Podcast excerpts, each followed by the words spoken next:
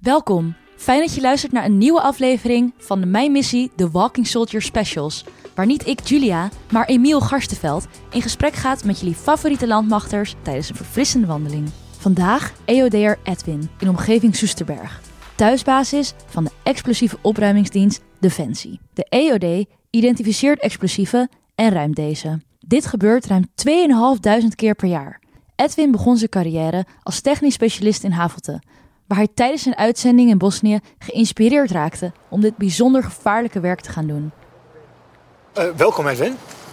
Ja, jij ook welkom. Ja, leuk dat je het bent. Je werkt momenteel bij de EOD. Maar hoe is jouw carrière bij Defensie eigenlijk begonnen? Oeh, ja, bij, de, bij Defensie. Ik ben eigenlijk begonnen als, uh, als corporaal, als TS'er. Uh, technisch specialist is dat.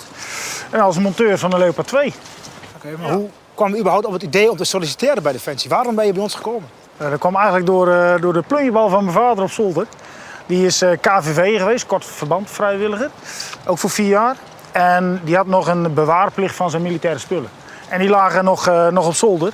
En daar was ik als klein jongetje was ik daar eigenlijk altijd mee aan het spelen. Ik had altijd al militaire kleding aan. Mijn moeder had het pak dusdanig kleiner gemaakt dat ik hem ook goed, goed aankon. En dat, ja, toen is het eigenlijk begonnen. Daar is het gaan kriebelen. En toen, uh, uiteindelijk, ik was klaar met school, of bijna, bijna klaar. En ik moest uh, voor de dienstplichtkeuring moest ik, uh, moest ik opkomen. Die heb ik gedaan. Alleen ik had zoiets, ja oké, ik ben klaar met school. Wat ga ik doen? Ga ik verder leren? Of ga ik misschien toch dat, de hobby uitvoeren, zeg maar, wat ik eigenlijk wel leuk vind? En uh, daar heb ik daarvoor gekozen. En toen, toen ben ik de keuring gegaan voor, voor, ja, voor beroeps. Alleen toen was het nog voor vier jaar. En zo is het voor mij eigenlijk een beetje begonnen. Dus je ouders vonden het wel mooi dat je bij Defensie ging? Of hadden ze ook een beetje twijfels naar jouw vaders dienstplicht? Nou ja, kijk, mijn vader is natuurlijk... Kijk, toen had je nog geen uitzendingen. En uh, mijn vader vond het natuurlijk wel leuk. Die heeft wel voor gekozen om, uh, om de dienst weer uit te gaan. Want hij kreeg een goede burgerbaan. Maar mijn moeder vindt het dan toch wel een beetje... Ik denk dat zij liever had dat ik accountant of zo was, uh, was geworden. Maar, uh, ja, maar ja, dat is een beetje ook moeder eigen, denk ik. Maar, uh, maar ze, ze, zijn wel trots, hoor, dat wel. En ze vindt het hartstikke leuk. Maar goed, ja, als ik vertel van oké, okay, gaan we op uitzending, dan vinden ze dat toch niet zo leuk. Nee, ja. Dan ben je begonnen als technisch specialist. Waar ben je begonnen? In, in Havelte, bij uh, 42 uh, Tankbataljon. Als Leopard 2 onderstellenmonteur.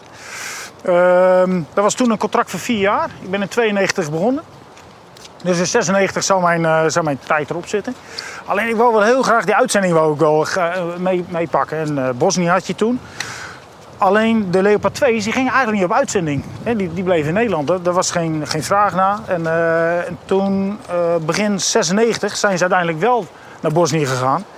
Ja, en ik kreeg toen wel de kans om die, om die uitzending nog mee te pakken. Dus heb ik een jaar moeten verlengen. Alleen toen zat ik weer van, oké, uh, blijf ik bij Defensie?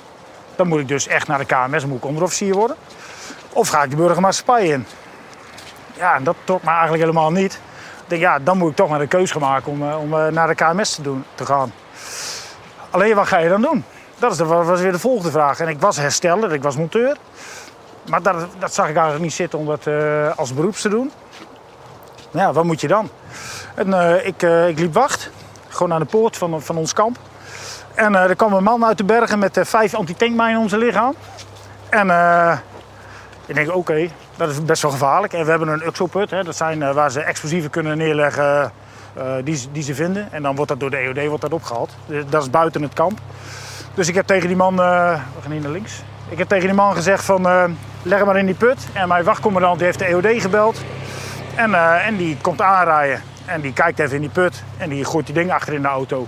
En hij wil het kamp weer oprijden. Ik denk, ja, wacht even, maar dat is gevaarlijk. Ik denk, dan moet ik even weten van hoe, zit dat precies. Dus ik, ik hou hem aan en ik zei, je hoort net die ding achter in je auto. Ik zeg, maar wat is het? En is het niet heel gevaarlijk? Hij zei, oh, wacht maar. Hij zei, ik laat het wel zien. Dus hij doet de achterdeur open, er liggen vijf anti-tankmijnen erin. Hij zei, wat je hier ziet is alleen maar springstof. Hij zei, in het midden, daar zat nu een gat. Hij zei, daar zit eigenlijk de ontsteker. Hij zei, maar die is eruit. Hij zei, is alleen maar springstof. Hij zei, dat kunnen we redelijk veilig vervoeren. Zo, nou, wel interessant. Hij zei, lijkt je dat wat? Hij zei, we hebben eigenlijk wel mensen tekort. Ik zei, nou, ik ben eigenlijk wel een beetje aan het nadenken van, wat moet ik hierna? En zo is voor mij eigenlijk de EOD uh, begonnen. Dus dat was in 96 in Bosnië. Dus, uh, ja. 96 in Bosnië is voor jou eigenlijk het zaadje geplant om naar de EOD te gaan? Zo kun je het wel zeggen, ja. Hoe heb jij je tijd in Bosnië beleefd? Hoe heb ik mijn tijd in Bosnië beleefd? Ja, weet je, het, het, is je eerste uitzending. Dat is natuurlijk al super, super vet om het zo maar te zeggen. Het is je eerste uitzending en het is natuurlijk allemaal spannend. Het is allemaal leuk. Je bent ver van huis. Je bent ook lang van huis. Het was een half jaar. Ja, dat heb je van, tevoren natuurlijk nog nooit gedaan. Ehm, qua oorlogshandelingen en zo heb je daar niet heel veel uh, gezien. Wel heel veel huizen wat kapot geschoten waren. De armoede bij de mensen. Ja, dat, dat doet wel wat met je. Hè. Dat denk je wel, oké, wij hebben het niet zo heel slecht in Nederland. Maar voor de rest, ja, het was gewoon één groot avontuur. En, uh, en zo heb ik het daar ook beleefd. En ja, en misschien wel ook door die uitzending zit ik nu nog steeds bij Defensie. Maar daar is natuurlijk mijn EOD-carrière daar eigenlijk een beetje ja, begonnen. Daar is het zaadje toen geplant. Hè.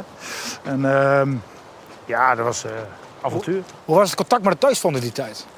Uh, toen kreeg ik nog heel veel post. En dat is wel iets waar je naar uitkeek. Elke keer, want volgens mij de donderdag of zo, werd dan de post bezorgd. En daar zat iedereen op te wachten. Dat was het moment eigenlijk van de week. En uh, dan kreeg je nog geschreven brieven. In plaats, tegenwoordig krijg je mails. Ja, dat is niet zo persoonlijk meer. En dat, dat, was wel super gaaf. Ja, dat was eigenlijk wel uh, misschien wel het mooiste van de uitzending. Ja. En hoe ging het thuis van om dat je zo lang weg was en weinig contact had? Uh, ik had toen wel verkering, een jaartje ongeveer. En uh, ja, goed, weet je, dit was mijn droom om die uitzending te pakken. En als ze het thuis niet hadden geaccepteerd, ja, nou, prima. Dat, uh, dit was even mijn keuze. Ik ging even voor mezelf. En mijn moeder, ja, mijn moeder vond het natuurlijk niet leuk dat ik naar een oorlogsgebied ging. Maar uh, Srebrenica was natuurlijk net geweest. Dus dat zat er nog wel vers in het geheugen bij de mensen. En daar hebben wij helemaal niks van meegekregen hoor. Maar ja, mijn ouders vinden natuurlijk nee, die vinden het niet leuk. En nog steeds niet. Maar, maar ja, voor de rest thuis vond de contacten waren er. Maar ik heb er niet heel negatief of zo ervaren dat ze daar echt heel erg bang over waren. Nee. Hoe ben je nu specifiek bij de EOD terechtgekomen? Uh, na Bosnië, daar kwam ik in contact met de EOD. Ben ik, in Nederland ben ik uiteindelijk ehm, een dagje bij de explosieve opruimingsdienst geweest om, om even te praten, oké, okay, wat is het nu precies? heb ik besloten, oké, okay, dit ga ik doen. Dan moet je, dan moet, toen ben ik naar de KMS gegaan, de Koninklijke Militaire School, om onderofficier te worden. Uiteindelijk, om niet gelijk EOD te worden, moest je eerst menustechnicus worden. Dus ik heb de menustechnische opleiding gedaan. Aansluitend eh, na vier jaar de explosieve opruimingsdienst eh, de opleiding gedaan. Dat was in 2005 en toen was ik EOD'er. En toen, toen was ik ervan. Toen ging ik het echt veldwerk doen. Dan pak je dus Tweede Wereldoorlog munitie in Nederland. De verdachte pakketjes in Nederland. De uitzendingen. Welke uitzending heb je gedaan? Ik heb als uh, EOD'er heb ik twee keer Oeruzgan gedraaid. Dus dat is uh, Zuid-Afghanistan. en één keer Kunduz, dat is Noord-Afghanistan. Heb je een voldaan gevoel gekregen van je uitzending in Oeruzgan of niet? Ah, voldaan gevoel vind ik een beetje... Uh, we hebben natuurlijk wel wat mensen verloren. Geen EOD's, maar wel Nederlandse mensen. Dus dat is een beetje... Dat kan ik niet zeggen dat dat een voldaan gevoel is. Ik denk wel dat we daar wat voor de bevolking als, als NATO-militair wel wat hebben kunnen, kunnen bijdragen. En wat onze taak was, was eigenlijk de veiligheid garanderen, zeg maar, creëren voor onze eigen troepen. En dat hebben we op een eh, hele, hele goede manier gedaan. We hebben eh, eigenlijk elke bermbom die we daar aantroffen, bijna, ik denk 80% ongeveer, een schatting, hebben we daadwerkelijk geruimd. Uh, op een nette manier. Daardoor kun je ook zien van oké, wat heeft de vijand gebruikt om ons uit te willen schakelen. En als je daarachter komt, dan kun je dus je eigen manier van handelen kun je daar weer op aanpassen. En daar hebben we denk ik een hele, hele goede zaak in uh, gedaan. En uh, ja, dat, dat, was, dat, was, voor ons ook een supergoeie leerschool geweest. Is het geen extreem stressvol werk, denk ik? Um, stressvol? Nee, stressvol is het niet. Um, het is je werk. Je bent erin opgeleid. Je werkt ook altijd in team. We werken altijd met z'n tweeën. Je houdt elkaar heel scherp. Uh, maar het is, ja, dat klinkt misschien raar, het is wel je werk. Stap je s'morgens in je auto, dan denk je ook niet van shit, als mijn remmen het maar doen als ik een noodstop moet maken. En, en zo moet je het eigenlijk een beetje vergelijken. Uh, je bent wel, je bent wel alert, maar niet gestrest. Nee.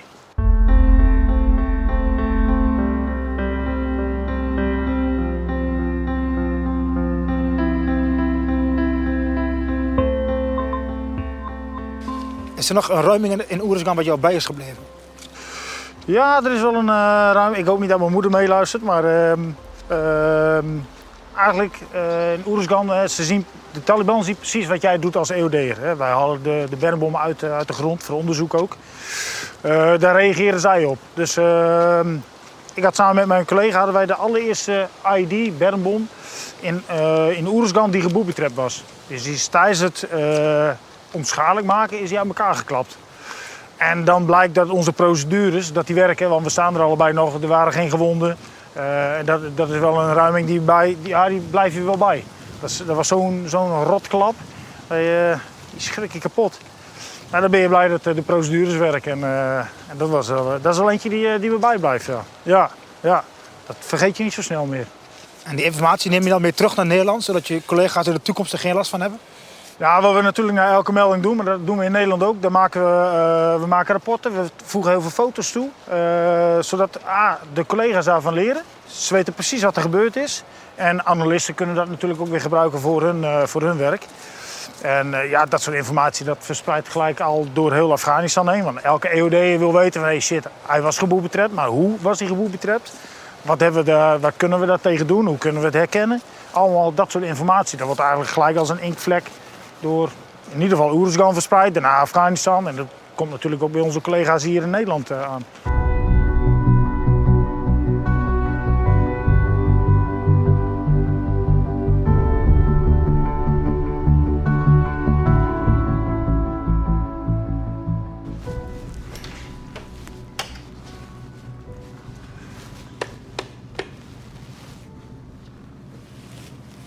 Allemachtig zeg.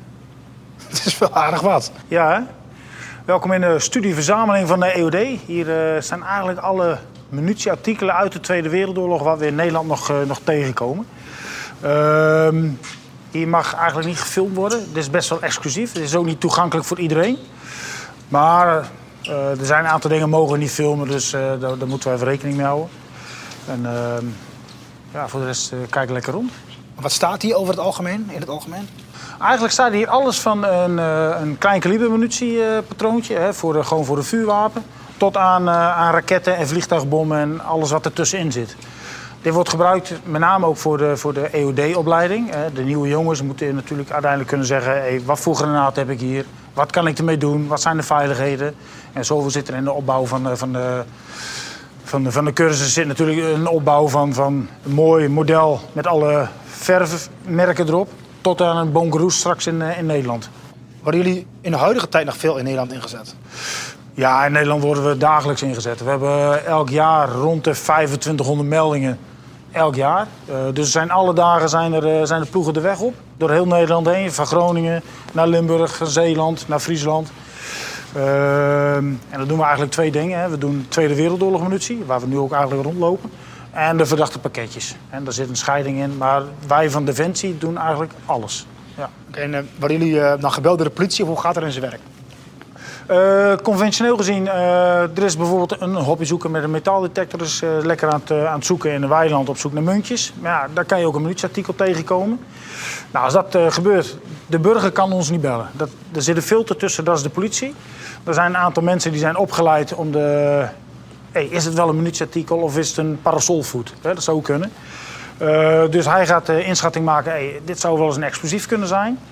Uh, en hij gaat ons bellen. Hij gaat zeggen van, hey, EOD, ik wil graag dat jullie gelijk komen. Of kom morgen maar, of binnen vijf werkdagen. Dat zijn een beetje de, de gradaties die we hebben. maar in principe bepaalt hij dat en dan gaan wij daarop op reageren. Ja. Wat zijn dingen wat je veel tegenkomt? Vuurwerk of is het echt van alles wat? Nee, van alles wat. Vuurwerk is wel een beetje tijdgebonden natuurlijk. Hè. Dat is uh, eind van het jaar, beetje eind oktober tot, uh, tot begin januari is echt wel veel vuurwerk gerelateerd. Uh, en de Tweede Wereldoorlog munitie is eigenlijk het hele jaar door. En er zitten wel wat piek en dalen in. Ehm, maar goed, dat gaat eigenlijk het hele jaar door. er wordt altijd gevonden. niet alleen maar door een metaaldetector hobbyzoeker. Ehm, uh, mensen die gaan een schuurtje bouwen, die willen een verdering graven, die komen spullen tegen. Uh, er is een stad die gaat uh, een wijk willen ze bouwen bijvoorbeeld. er wordt gezocht, er wordt gegraven. dat, dat, dat, dat soort meldingen, Tweede Wereldoorlog munitie meldingen krijgen wij op die manier binnen. Ja. Is het gevaarlijk werk als je de politie wordt ingezet of valt het mee? Ja, het voordeel van, van Tweede Wereldoorlog munitie zoals dit, dat is allemaal in een, in een fabriek gemaakt. Daar is documentatie van. Uh, en het ligt al 75 jaar in de grond. Uh, we zijn natuurlijk wel dusdanig opgeleid dat we wel weten welke handeling kan ik gelijk doen, welke niet. Maar er is, wat het grote voordeel hiervan is, uh, er is documentatie. Die documentatie hebben wij ook. En daaraan kun je zeggen van oké, wat voor ons heel belangrijk is, als ik weet wat ik heb, weet ik ook wat ik ermee kan doen. En er zijn granaten bij, ja, die pak ik liever niet op, want er zit een gevaarlijk ontsteker op, ook na 75 jaar. Uh, maar er zijn ook ontstekers, ja, die, die, daar kan je door heel Nederland mee heen rijden. En dat is de inschatting, dat is onze expertise, dat is de inschatting die wij maken. Uh, wat wel een beetje een, een, dingetje van de laatste jaren is, uh, je hebt magneetvissers. Uh, onder andere. En heel veel mensen denken, de oorlog is al 75 jaar voorbij, dus het is niet gevaarlijk meer. Uh, het wordt eigenlijk alleen maar gevaarlijker, maar dat weten mensen niet. we hebben hier een aantal ontstekers. Ontstekers zitten normaal gesproken op een, op een granaat. Uh, we hebben een aantal open, uh, opengewerkte modellen. En je ziet dat het gewoon heel fragiel is. En door de kracht van een magneet kun je eigenlijk een, een ontsteker gaan activeren. Je kan een veiligheid wegtrekken, waardoor bijvoorbeeld de slagpin in een slaghoedje slaat. En, en de granaat afgaat.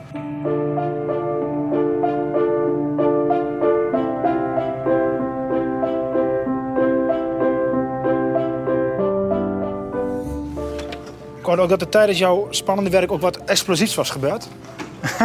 ja, ja, dat klopt ja. Ik heb uh, tijdens uh, mijn werkzaamheden heb ik mijn, uh, mijn vrouw leren kennen. zij werkt ook bij Defensie. Zij doet het opgraven, identificeren van Tweede Wereldoorlog slachtoffers in Nederland. In dit geval was zij bezig in een weiland in Groesbeek. er was een, een oorlogsslachtoffer aangetroffen. Het bleek dat hij een aantal munitieartikelen nog bij zich had. Nou, dan wordt de EOD gebeld. En in dit geval was ik dat. En dan hebben we elkaar leren kennen boven het graf van een dode Duitser. Ja, dus dat was wel heel, heel bijzonder. Um, is toch wel anders dan Tinder? Is wel anders dan Tinder of, uh, of elkaar leren kennen in de kroeg. En ja, nu in een weiland, stromen de regen boven een veldgraf van een dode Duitser. Hij is wel geïdentificeerd door hun en hij is ook begraven op de militaire begraafplaats in IJsselstein, Limburg. En uh, daar heeft hij een plekje. En, uh, maar wij gaan er niet elk jaar naartoe om, uh, om hem te bedanken, zeg maar. Zo'n liefde ja. is bezegeld door een dode Duits. Ja, toch? Nou, het is wel een bijzonder verhaal. Tweede Wereldoorlog gerelateerd. Dus ja, ik denk dat het een mooi verhaal is. Ja, ja kan niet iedereen zeggen.